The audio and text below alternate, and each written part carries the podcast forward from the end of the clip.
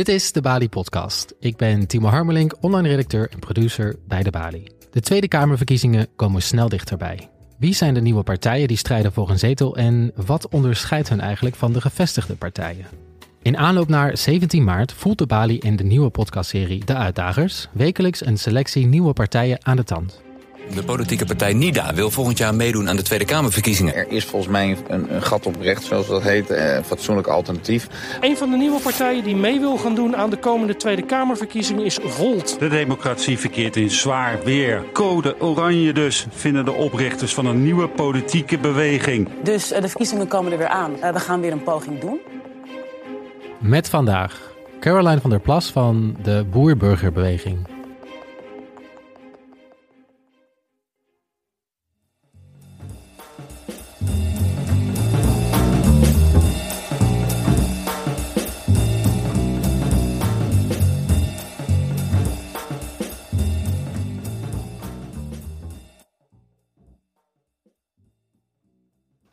Ik uh, zit hier vandaag met Caroline van der Plas. Ze is lijsttrekker van de Boer-Burgerbeweging, ook wel BBB. Uh, het is een vrij nieuwe partij, eind, opgericht eind 2019. En ze streven naar, uh, zoals ik in een partijprogramma lees, gezond gebruik van bodem, dier en mens. En dit jaar doen ze voor het eerst mee aan de Tweede Kamerverkiezingen. Welkom. Dankjewel. We beginnen altijd met een aantal stellingen die ik u voorleg. en dan mag je antwoorden met eens of oneens. Ja. Ja? Uh, de eerste stelling is: de boer-burgerbeweging is de enige partij in Nederland die voor de boer opkomt. Eens. Uh, tweede, het is niet nodig om natuurgebieden in Nederland uit te breiden. Eens. Uh, derde, het stikstofprobleem wordt overdreven. Eens. de boer-burgerbeweging is een progressieve partij. Eens. En van deze partij denkt de boer-burgerbeweging de meeste stemmers af te pakken. Eens. Ja, sorry. Oh nee. Ja, welke partij is dat dan? Oh, welke partij? Ja, sorry. Ik zit, ik zit helemaal in het je eens, eens, eens, in het ja. stramien. Um, uh, wij gaan de meeste stemmen weghalen bij het CDA. Oké. Okay. Nou, zo'n aantal uh, punten zullen nog wel uh, terugkomen. Ja. Um, nou, ik denk dat de boeren afgelopen jaren veel in de aandacht hebben gestaan in politiek Den Haag. Uh, nou ja, voor veel mensen is natuurlijk ook het beeld van de boeren die op het Malieveld stonden, die als met tractoren. Ja. Stond u daartussen? Ja, daar stond ik tussen. En waarom? Um, nou, kijk, ik werk al uh, best wel lang in de agrarische sector. En ik zie al heel lang um, het probleem van boeren die bang zijn voor hun bestaansrecht. Mm -hmm. uh, wat ook een terechte angst is, overigens. Um, ik zie ook al heel lang het framen van boeren als, nou ja, laten we maar zeggen, het bron van alle kwaad in de wereld. Ze worden gifspuiters genoemd, milieuvervuilers, dierenbeulen. Er worden zelfs vergelijkingen getrokken met Auschwitz. En uh, nou ja, gewoon verschrikkelijk als je dat uh, hoort. Um, en ik zie ook al heel lang dat uh, boeren eigenlijk vinden dat ze, ja, hun stem niet goed genoeg vertegenwoordigd wordt. En toen de um, protesten waren op 1 oktober, ja, eigenlijk heeft Tjeerd de Groot van D66, die heeft eigenlijk de lont in het kruidvat gegooid. Door te zeggen dat uh, hij vindt dat uh, de helft van de veestapel moet verdwijnen. Maar daarmee verklaarde hij eigenlijk uh, 95% van de veehouders in Nederland ongewenst. Want hij heeft het dan met name, hij noemt het dan bio-industrie. Ja, dat is een framewoord voor gangbare landbouw. Maar in Nederland zijn, is 95% van de veehouders is gangbaar. Dus eigenlijk verklaarde hij een, uh, zo voelden de boeren het, gewoon een bevolkingsgroep, of in ieder geval een beroepsgroep, uh, ongewenst. En dat is de trigger geweest uh, om naar het Malieveld op te stomen. En ja, omdat ik al zo lang in die sector werk en ja, ook zoveel hart heb voor boeren en ook zien wat ze elke dag presteren en doen, wilde ik daar gewoon bij zijn. En was je daar dan meer als, uh, als journalist, als rol van journalist, of meer als activist of als nou ja, lobbyist voor die boeren? Ik was daar als uh, boerin zonder boerderij, ja, uh, okay. zeg maar. Ja, ja. En het was een beetje een, wel een beetje een gekke situatie voor mij, want een week daarvoor is mijn man overleden. Mm -hmm. En die is op 28 september gecremeerd en op 1 oktober was het protest. Ja. En uh, dat protest stond natuurlijk al wel wat langer vast. En ja, ik heb er wel een beetje mee geworsteld van, ja, moet ik daarheen gaan? Want misschien staat dat wel een beetje raar voor mensen. Maar goed, mijn man die steunde mij in alles en ook in dit hele verhaal. En uh, ik hoor hem gewoon in mijn hoofd zeggen van, ja, waarom zou je niet gaan? Ja.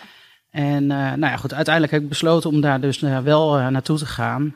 En dat voelde ook echt, ja, dat voelde ook gewoon echt heel goed. En mensen die waren ook zo met mij begaan. Dus het was voor mij ook nog een soort van, het hoorde ook nog weer bij die harde rouw die er op dat moment was. Dat je denkt, ja, weet je, deze mensen, die boeren, die deugen gewoon, weet je. Dit zijn gewoon echt gewoon goede mensen. En daar wil ik gewoon voor vechten. Ja. En ja. als, um, als jij zegt terecht van uh, er zijn, uh, uh, ze voelen zich voor een deel niet gehoord. Um, na een tijdje zijn er natuurlijk ook andere partijen die een beetje bij die boerenprotesten waren. Als je een beetje kijkt naar partijen die zeggen dat ze voor de boeren opkomen, dan kom je op CDA, Forum voor Democratie, partij PVV, die Ja 21, Code Oranje, SGP. Is er eigenlijk nog wel een extra partij nodig? Ja, die is er zeker nodig. Kijk, als al die partijen het allemaal zo goed hadden gedaan voor de boeren, dan waren wij niet opgericht. Zo simpel is het. Kijk, CDA is van oudsher een land, uh, landbouwpartij. Hadden vroeger ook veel boeren zeg maar, in de partij zitten. Dat is al niet meer zo. De, het CDA schuift echt wel een beetje op richting de stadse politiek. En uh, veel mensen uit de Randstad ook, die uh, zeg maar in de top van de lijst voorkomen.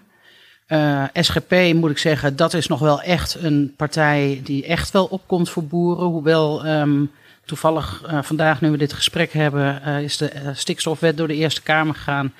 Ja, waarin ook SGP voor heeft gestemd. Dus dat wordt ze ook wel verweten hoor, bij de boerenachterban. Kijk, en die andere partijen, Forum en PVV, ja, die zagen op 1 oktober ineens een heel groot kiezerspotentieel staan op dat, op dat Malieveld. En die dachten, dat gaan wij, hey, dat kunnen wij wel mooi gebruiken. Nou, de eerste keer dat ik Geert Wilders tussen de boeren heb zien staan was op 1 oktober 2019. Ik heb ja, dat is wel daarvoor... symboliek volgens u. Ja, weet je. En dat, dat mag hoor. Ik bedoel, natuurlijk, iedereen mag kiezers uh, winnen. Maar als je kijkt naar hun stemgedrag in de Tweede Kamer, dan is dat helemaal niet zo uh, pro-boer geweest. Nee, en um, uh, net bij die begin van de stellingen zei u um, eens op, toen de, op de vraag of jullie een progressieve partij zijn. Um, zou ik dan kunnen zeggen jullie de progressieve partij voor de boeren zijn, vergeleken met een partij, een wat conservatievere partij als CDA? Of misschien het SGP? Ja, kijk, um, heel veel mensen denken bij Boerburgerbeweging dat wij uh, vast willen houden aan de oude structuren. Maar dat is helemaal niet zo. Uh, wat wij zeggen is, wij willen dat niet alles in wet en regelgeving wordt gegoten. Want elke nieuwe wet of regel, dat kost een boer geld. Hè. Daar moet een boer voor ja. investeren. Dus die kostprijs om een stuk voedsel te produceren, uh, die kosten die gaan alleen maar omhoog. En die opbrengsprijs, die blijft maar laag daarom zeggen wij ook van als, een, als er al nieuwe regels komen, want er zijn er al veel te veel, um, dan moet, uh, moeten we ervoor zorgen dat die kostprijs geborgd is. Hè? Dus dat dat verdienmodel van de boer, dat dat geborgd is. Hè? Dat ze weten, nu wordt gezegd van nou, er komen hè, stikstofmaatregelen bijvoorbeeld. Ja. Daar wordt dan van gezegd, uh, nou, kringlooplandbouw, boeren moeten van alles doen. En eigenlijk wordt er dan gezegd van ja, jullie moeten eigenlijk zelf maar uitzoeken hoe je dan een verdienmodel hebt. Maar dat, dat kan gewoon niet. Dus in die zin zijn wij wel progressief, omdat wij zeggen: kijk, als je, je kan niet groen doen als je rood staat. Ja. Dus wij willen gewoon dat die boeren daar een verdienmodel uh, uithalen. In die zin zijn wij uh, een progressieve partij, want wij zijn zeker voor nog verdere verduurzaming. Hè. Ik heb altijd een hekel aan het woord duurzame landbouw, want dat suggereert dat het nu niet duurzamer is. Maar het, moet, het kan nog duurzamer. Uh, en daar zijn wij hartstikke voor. Dus wij zijn ook heel erg voor het stimuleren van innovaties. Hè, en daar ook uh, geld voor uit te trekken. Zodat die boeren uh, nog verder kunnen verduurzamen. En het eigenlijk qua milieudruk nog beter kunnen doen. Dus wij willen niet in die oude structuur blijven zitten. Ja, die andere partijen, zoals het CDA, VVD, die zitten natuurlijk al in een coalitie. En die zitten nog in die zin in het oude denken. Uh, is dat al die wet en regelgeving komt dan op die boeren af. Maar er wordt verder eigenlijk weinig uh, aan gedaan om dat verdienmodel te behouden.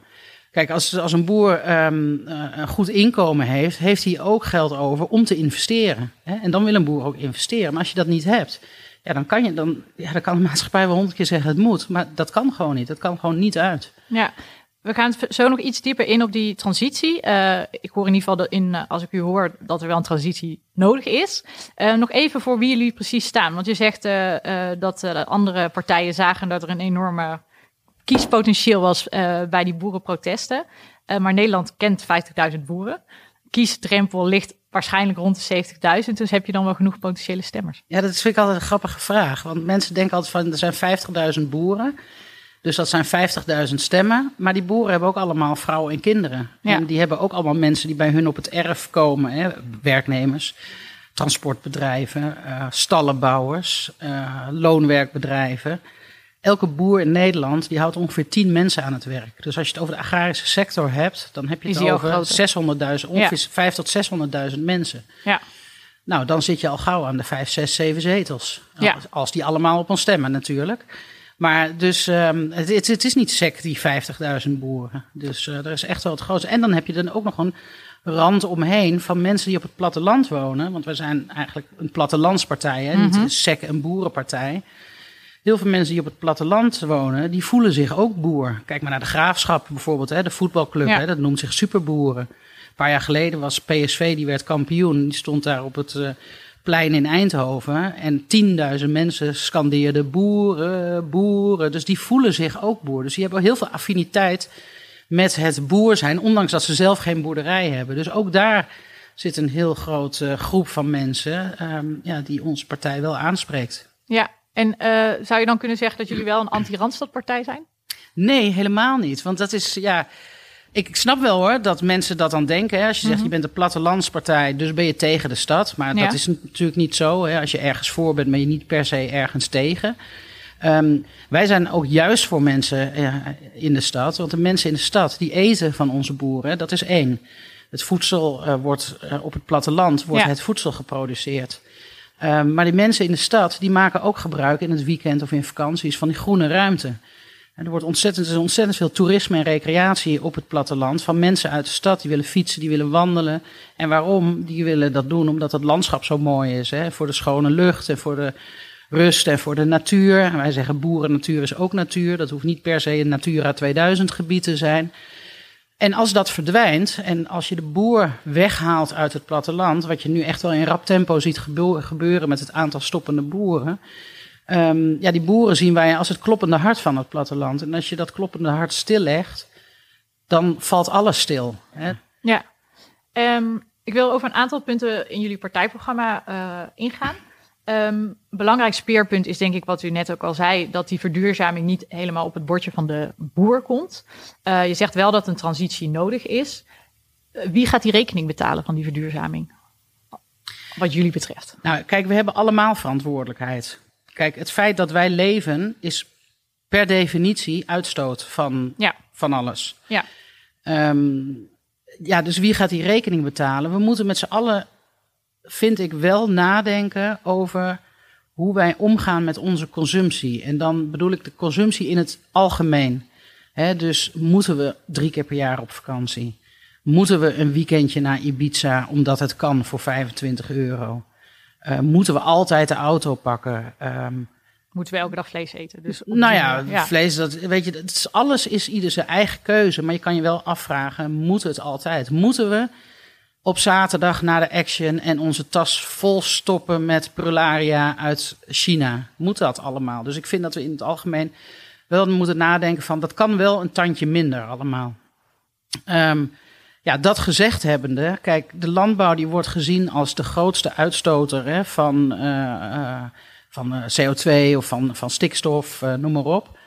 Ehm, maar je moet niet vergeten dat in de landbouw alles moet geregistreerd worden. Van een boer is bij de overheid tot op de laatste komma bekend wat hij bijvoorbeeld uitstoot. Dus het is helemaal niet raar dat dan de landbouw als grootste uitstoter eruit komt, want dat is bekend. Maar van heel veel industrie bijvoorbeeld, of van luchtvaart, eh, is helemaal niet bekend hoeveel stikstof ze uitstoten. En dat is waarom wij. Maar in de tabellen staat nu ongeveer eh 60% landbouw en 6% verkeer, als ik het ongeveer. Ja, eh, 60, volgens mij iets van 46% of 40% eh, eh, landbouw. Ehm, maar het is. We, kijk, wij willen, we zeggen ook in het verkiezingsprogramma, wij willen, daarom willen we ook dat die stikstofwet van tafel gaat. Dus niet, dat betekent dus niet dat wij zeggen er moet niks gebeuren aan want er is dus wel een stikstofreductie. stikstofprobleem, zeg je dan. Ehm, het is ook maar hoe je het bekijkt. Ehm, kijk, er is te veel stikstofuitstoot. Dat is dan vastgesteld. Hè? Ook de Raad van State heeft dat vastgesteld. Ehm, maar hoe wij dat moeten oplossen, dat staat nergens beschreven. In Nederland hebben wij bepaald dat dat via de landbouw moet gereduceerd moet worden. Ehm, daarbij, er staat ook geen hek om Nederland. Hè? Als je alle vee in Nederland weghaalt, alle mensen, alle verkeer. Nou ja, laten we zeggen, je gaat terug in de tijd tot de Bataafse Republiek. Dan nog is de stikstofdepositie, de neerslag van stikstof op natuurgebieden, die is nog steeds te hoog. Dus in Nederland wordt gewerkt met onhaalbare doelen. Het is niet haalbaar om zeg maar, die stikstof zodanig terug te brengen. En dat bedoelen wij ook met een eerlijk beleid. Daar moeten we gewoon eerlijk in zijn. En dat onderzoek is er gewoon geweest. Dat staat vast. Dat wetenschappers die zeggen dat zelf ook. Um, dus je moet met haalbare doelen gaan, uh, gaan werken. En niet met zeg maar, middelvoorschriften, maar kijken wat is ons doel en hoe kunnen we dat doel bereiken. Uh, dat kan via de landbouw, natuurlijk. Ik bedoel, mhm. de landbouw heeft sinds 1990 al 64% stikstof gereduceerd op eigen kracht. Daar is geen Mark Rutte of geen Carola Schouten of geen Esther Ouwehand aan te pas gekomen. Dat is in 30 jaar hebben ze dat zelf gedaan. Door steeds betere systemen te gebruiken bijvoorbeeld. Of in het voer te zorgen hè, dat die stikstofuitstoot uh, minder wordt van dieren. Um, dus het is helemaal niet gezegd dat boeren dat niet willen. Alleen, ja, wij vinden dat we moeten wel kijken van sowieso zeg maar de eerlijke cijfers van wie stoot wat uit en hoe gaan we dat aanpakken. Daarom zeggen wij ook dat een langjarig plattelandsbeleid nodig is. Mhm. Want er is gewoon een, ook een gevecht om de ruimte. Dus, ja, dus, alles haakt. Er zijn zoveel haakjes zeg maar, die in elkaar haken. Er is ook een gevecht om de ruimte. Dus die bouw heeft die stikstofruimte nodig om die woningen uh, te bouwen. Nou, ook dat kun je volgens mij alleen maar doen als je zegt van we gaan een langjarig plattelandsbeleid maken. Daarin zetten we de natuurorganisaties, maatschappelijke organisaties, agrarische sector, luchtvaart en bouw zetten we bij elkaar. En dan moeten we met elkaar gaan bespreken uh, wie krijgt welke ruimte in de komende decennia. En hoe gaan we dat dan uh, invullen? Er zal waarschijnlijk iedereen misschien wel een beetje water bij de wijn uh, moeten doen.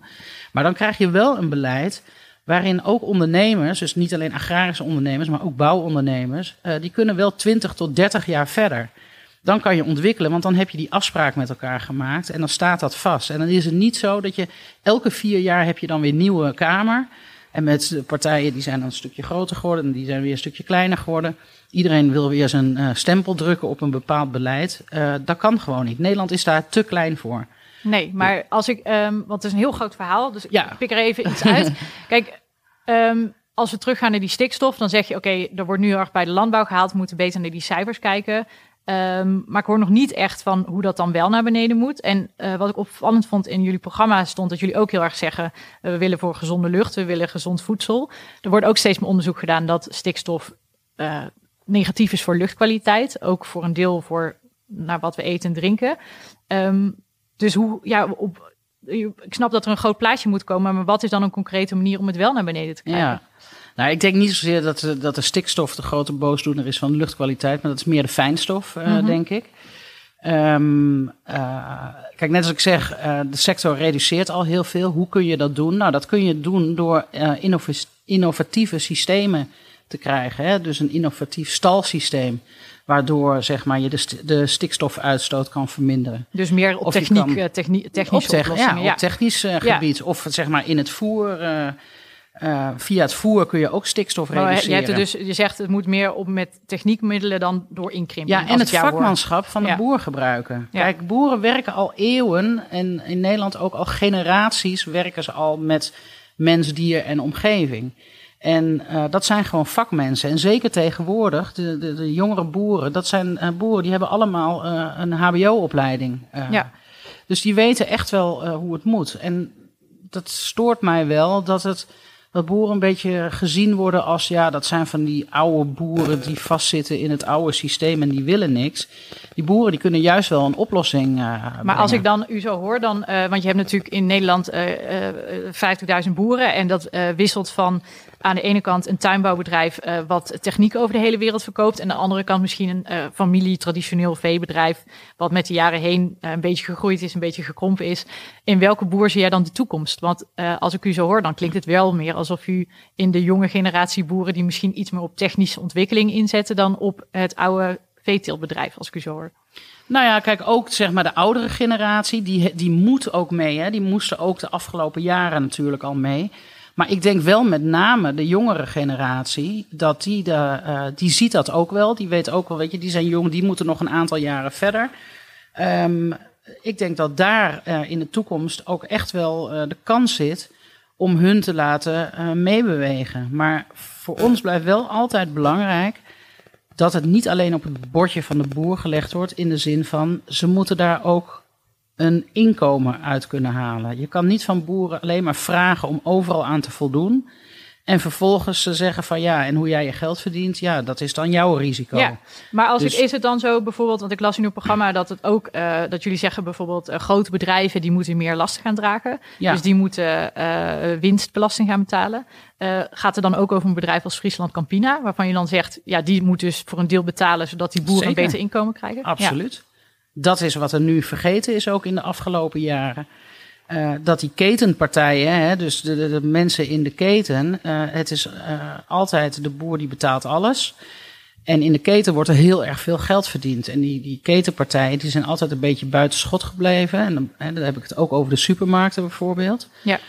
Um, die trekken zich altijd een soort van terug. Want de supermarkt wil maar één ding. En die wil gewoon de achterdeur open kunnen houden om het goedkoopste product ergens in te kunnen kopen. En supermarkt kunnen mij honderd keer vertellen dat het niet zo is. Dat is gewoon wel zo. Dat doet een supermarkt. En een supermarkt, uh, die hadden eigenlijk al tien jaar geleden uh, mee moeten bewegen. Die hadden al verantwoordelijkheid moeten nemen. Door te zeggen, weet je, de maatschappij vraagt het. Wij vragen het ook van onze boeren. Dus wij gaan daar ook gewoon extra voor betalen. En de consument ook. Want eigenlijk betalen we toch heel weinig geld voor ons voedsel. Ja, ja de consument ook. In de zin van, um, doe wat je zegt. Kijk, als ik op een verjaardag zit, dan zit ik met uh, tien mensen. Ja, nu mag dat niet meer, maar voor de coronatijd, uh, dan zit je met uh, bijvoorbeeld tien mensen op een verjaardag. En als je het dan over voedsel hebt, dan vind ik het altijd wel grappig dat iedereen kennelijk biologisch koopt. Maar dat is altijd een sociaal wenselijk antwoord. En op verjaardag gaat niet iemand zeggen: Ja, maar ik koop altijd een kilo knaller. Want ja. ja, dan, dat durf je dan niet te zeggen. Dus iedereen zegt dat hij biologisch koopt. Maar als je kijkt naar de bestedingen in de supermarkt is slechts 3% van de bestedingen die een consument doet in de supermarkt gaat naar biologisch. Dus dat is heel weinig. Dus de burger zegt A. En zodra die burger de drempel van de winkel overkomt, dan is die consument en dan doet hij B. Ja, dus het nadruk, je legt het nadruk meer op de grote bedrijven en de supermarkt dan op de consument. Ja. Um, er is nog een ander thema waar, we, waar je een tijdje terug over had. Toen het ging over de beperkte ruimte die we met z'n allen in Nederland hebben. En uh, dat iedereen een beetje een claim op die ruimte maakt. Het moeilijk is om dat allemaal tegelijk te doen. Um, in jullie partijprogramma lees ik dat jullie uh, je ook zorgen maken over de een beetje de verschaling van het platteland. Dat jullie de groene ruimte heel belangrijk vinden. Um, maar tegelijkertijd zeggen jullie iets als de, de Oostvaardersplassen. Dat uh, mag wel weg en mogen 300.000 300 huizen gebouwd worden. Um, hoe verhoudt die, die groene ruimte en die landbouw zich volgens tot elkaar volgens jullie? Want hoe rijm je dat dan met elkaar? Nou ja, kijk, de Oostvaardersplassen, dat is niet bepaald echte natuur. Uh, daar praten we over het deel van de Oostvaardersplassen waar die grote grazers lopen. Ja. Dat is gewoon een toendra wat gewoon helemaal kaal gevreten is. Laatst bleek uit, het onderzoek, uit een onderzoek van de provincie Flevoland dat dankzij de grote grazers en het, het beleid in dat deel van de uh, Oostvaardersplassen dat er 22 uh, broedvogelsoorten zijn verdwenen, omdat het gewoon een kaalgevreten vlakte is. Dat is gewoon een toendra. En dat is een toendra met een hectare omheen, wat de maatschappij ontzettend veel geld heeft gekost en nog steeds kost. Dus dat zien wij niet als natuur. Dat is, wens, nee, maar dat is wensnatuur. Maar, ja, maar de natuur die jullie dan, waar je, die je wil behouden, waarvan, waar jullie de waarde van inzien, is dat dan het boerenlandschap zoals waar ook heel veel mensen zich zorgen over maken, dat die ook verschaalt. Dat daar uh, de soorten weidevogels ook afnemen. En dat juist de gedwongen schaalvergroting van boeren, dat die juist ook voor de verschaling van dat platteland zorgt. Ja, maar ja, dat ben, ik, ik ben het daar niet uh, helemaal mee eens. Um, kijk, het afnemen van de weidevogelstand, uh, dat komt niet alleen maar door de schaalvergroting in de veehouderij of in de landbouw.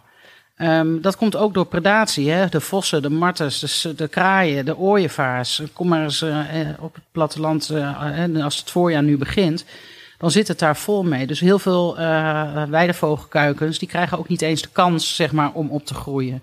Dus het is een, het is een verhaal van en, en, en. Uh, boeren zijn zich echt wel uh, al lang bewust van het feit dat zij uh, ook goede zorg moeten hebben voor de natuur. En ook zij het is ook hun bodem, het is ook hun land en zij zien daar ook graag leven in. Uh, een ander deel heeft er ook te maken met het uh, beleid wat in Nederland uh, over de boeren is uitgestort. Kijk, vroeger mocht een boer mocht bovengronds mest uitrijden. Hè, dus dan kun je die beelden wel ja. van, nou ja, dat hij via spuit zeg maar de mest op het land brengt. Um, dat mag al heel lang niet meer. Mest moet worden geïnjecteerd in de bodem. Nou, dat is dus een regel waarvan ik eerder in dit gesprek al zei. Er worden regels over boeren uitgestort die in de praktijk ook niet blijken te werken. Nou, dat mest injecteren in de grond, dat blijkt dus dat dat niet goed is voor die bodem. Um, dus die boeren die roepen al jaren van laat ons weer bovengronds mest uitrijden. Want als je mest op het land hebt, dan komen daar insecten op af. En op die insecten, daar komen weer vogels op af. Dat is gewoon boerenwijsheid, wat een boer gewoon al lang weet. En dat krijg je in Den Haag nog steeds niet aan het verstand. Um, dus snap je wat ik bedoel? Dus dat is ook, die boeren willen dat wel, maar die zitten vast, soms ook vast gewoon in dwingend beleid, waardoor het gewoon niet kan. Uh, ja, en wij zeggen, ja, boerennatuur is ook natuur. Ik bedoel, uh, kijk, als je uh, langs rijdt en je ziet een grote groene vlakte, een groot groen weiland, dat wordt dan tegenwoordig door sommige partijen grasvalt genoemd. Uh, ja, langsrijden is leuk, maar ga eens zelf in dat weiland staan. Als je daar zelf in staat en je gaat zelf in die bodem graven, dan zie je echt wel dat daar ook zeg maar kruidenrijk grasland is. Steeds ja. meer boeren maken gebruik van dat kruidenrijke grasland. Maar, maar ja, alle alarmbellen die uh, iedereen afroept over dat de biodiversiteit op het platteland met rappe schreden naar beneden gaat, zou ik maar zeggen, dat zeg je dat is overdreven. Ja, ik denk dat het, het is een frame in ieder geval. Weet je, het is een frame en ik snap dat frame van die partijen, want hè, die hebben een heel andere achterban. En daarbij vind ik overigens ook nog, als land moet je doen waar je goed in bent. En wij zijn ontzettend goed in voedsel maken. Met een hele lage milieuafdruk, hè, afgezet tegen de rest van de wereld. Um, waarom kunnen wij dat niet blijven doen waar we goed in zijn? Ik bedoel, Duitsland maakt hele goede auto's. En die gaan met miljoenen de grens over. Waarom? Dat de hele wereld die auto's wil hebben, omdat die auto's zo goed zijn. Ja, maar dat heeft en dat doen wij als dus dan met weer, voedsel. Uh, met over consumptie hebt, mag allemaal wat minder. Dan zou je natuurlijk ook naar kunnen kijken van hoe zou je allemaal net iets dichterbij kunnen. Ja. Uh, in plaats van dat je de, de groentes uit uh, Afrika Nee. of uit Marokko invliegt. Ja, nee, maar Ja. Daar, daar ben ik, eh, daar ben ik eh, wel echt wel met je eens. Maar we hebben wel die grote opgave van voedselzekerheid. 820 miljoen mensen in, Ne- of in Nederland, moet je mij horen. 820 miljoen mensen in de wereld die lijden honger. Ehm, als er ergens in Afrika of Azië een plantziekte uitbreekt of een insectenplaag, dan komt de wereldvoedselvoorraad gewoon snel in gevaar. Dus we moeten natuurlijk ook kijken naar de natuur. We moeten natuurlijk kijken naar biodiversiteit. Maar we moeten ook naar kijken van hoe kunnen wij als Nederland, wij hoeven de wereld niet te voeden, maar we kunnen de wereld wel helpen voeden. En hoe kunnen we dat hier doen? Want ook met elke boer die weg is, haal je dus ook kennis weg. Hè? Dus wij kunnen onze kennis ook niet meer exporteren dan. Nee. Dus dat zijn allemaal dingen dat ik denk van, weet je, dat, en dat is ook wat we in de Tweede Kamer naar voren willen brengen. Dat we dat duidelijke verhaal krijgen. En niet het ene frame hier en het andere frame daar. Want daar, ja, daar schieten we niks mee op. Heel groot plaatje. Heel veel te doen. Ehm, wat is een van de alle. Stel dat jullie in de Kamer komen. U vertelde mij net eh, dat, je, eh, dat jullie hopen op dat er tegen een één zetel aan eh, hangt. Ehm, wat zou het allereerste zijn wat je zou willen veranderen als je in de Tweede Kamer zou komen? Concreet Ja. iets waarvan je denkt dat is een eerste stap in dit hele grote plaatje. Twee dingen. Dat is één, de, een, een stop zetten op het eh, uitstorten van regelgeving zonder dat die kostprijs geborgd is voor die Mhm. boer. Dat is een hele belangrijke. Twee is dat wij een ministerie van Platteland willen op minimaal 100 kilometer van Den Haag. En een ministerie van Platteland die zich gaat bezighouden met het hele plattelandsbeleid. Dus dat moet niet een ministerie van, alleen van landbouw zijn, maar een ministerie van platteland. En gaat u zelf naar Den Haag verhuizen? Ik ga niet zelf naar Den Haag verhuizen. Nee. Ik, zal, eh, ik ga met het vliegtuig op en neer. nee hoor. Nou, Nee, nee, ja. nee, nee, ik, nee ik, ik heb een tante in Den Haag en daar mag ik slapen als ik eh, debatten heb. Dus eh, dat is heel duurzaam. Heel goed. Traditioneel hebben we altijd dat op het einde nog eh 30 seconden geven aan onze gast om te vertellen aan de luisteraar waarom op de boer-burgerbeweging stemmen. ja. Ga je gang. Nou, de leefbaarheid op het platteland staat enorm onder druk. Er wordt echt in moordend tempo wordt groen ingeruild voor grijs. Megazonneparken, datacenters eh, van Google en Microsoft, distributiecentra. als het in dit tempo doorgaat, dan houden we straks geen platteland meer over, geen groene ruimte meer over, geen schone lucht meer over. We kunnen daarover klagen, en dat hebben we uh, de afgelopen jaren ook uh, gedaan. Maar we kunnen ook ervoor kiezen om te kiezen voor een partij die daar structureel en voorgoed voor opkomt. En we hebben maar één kans om dat te doen. En die kans is op 17 maart. En op 18 maart is het te laat.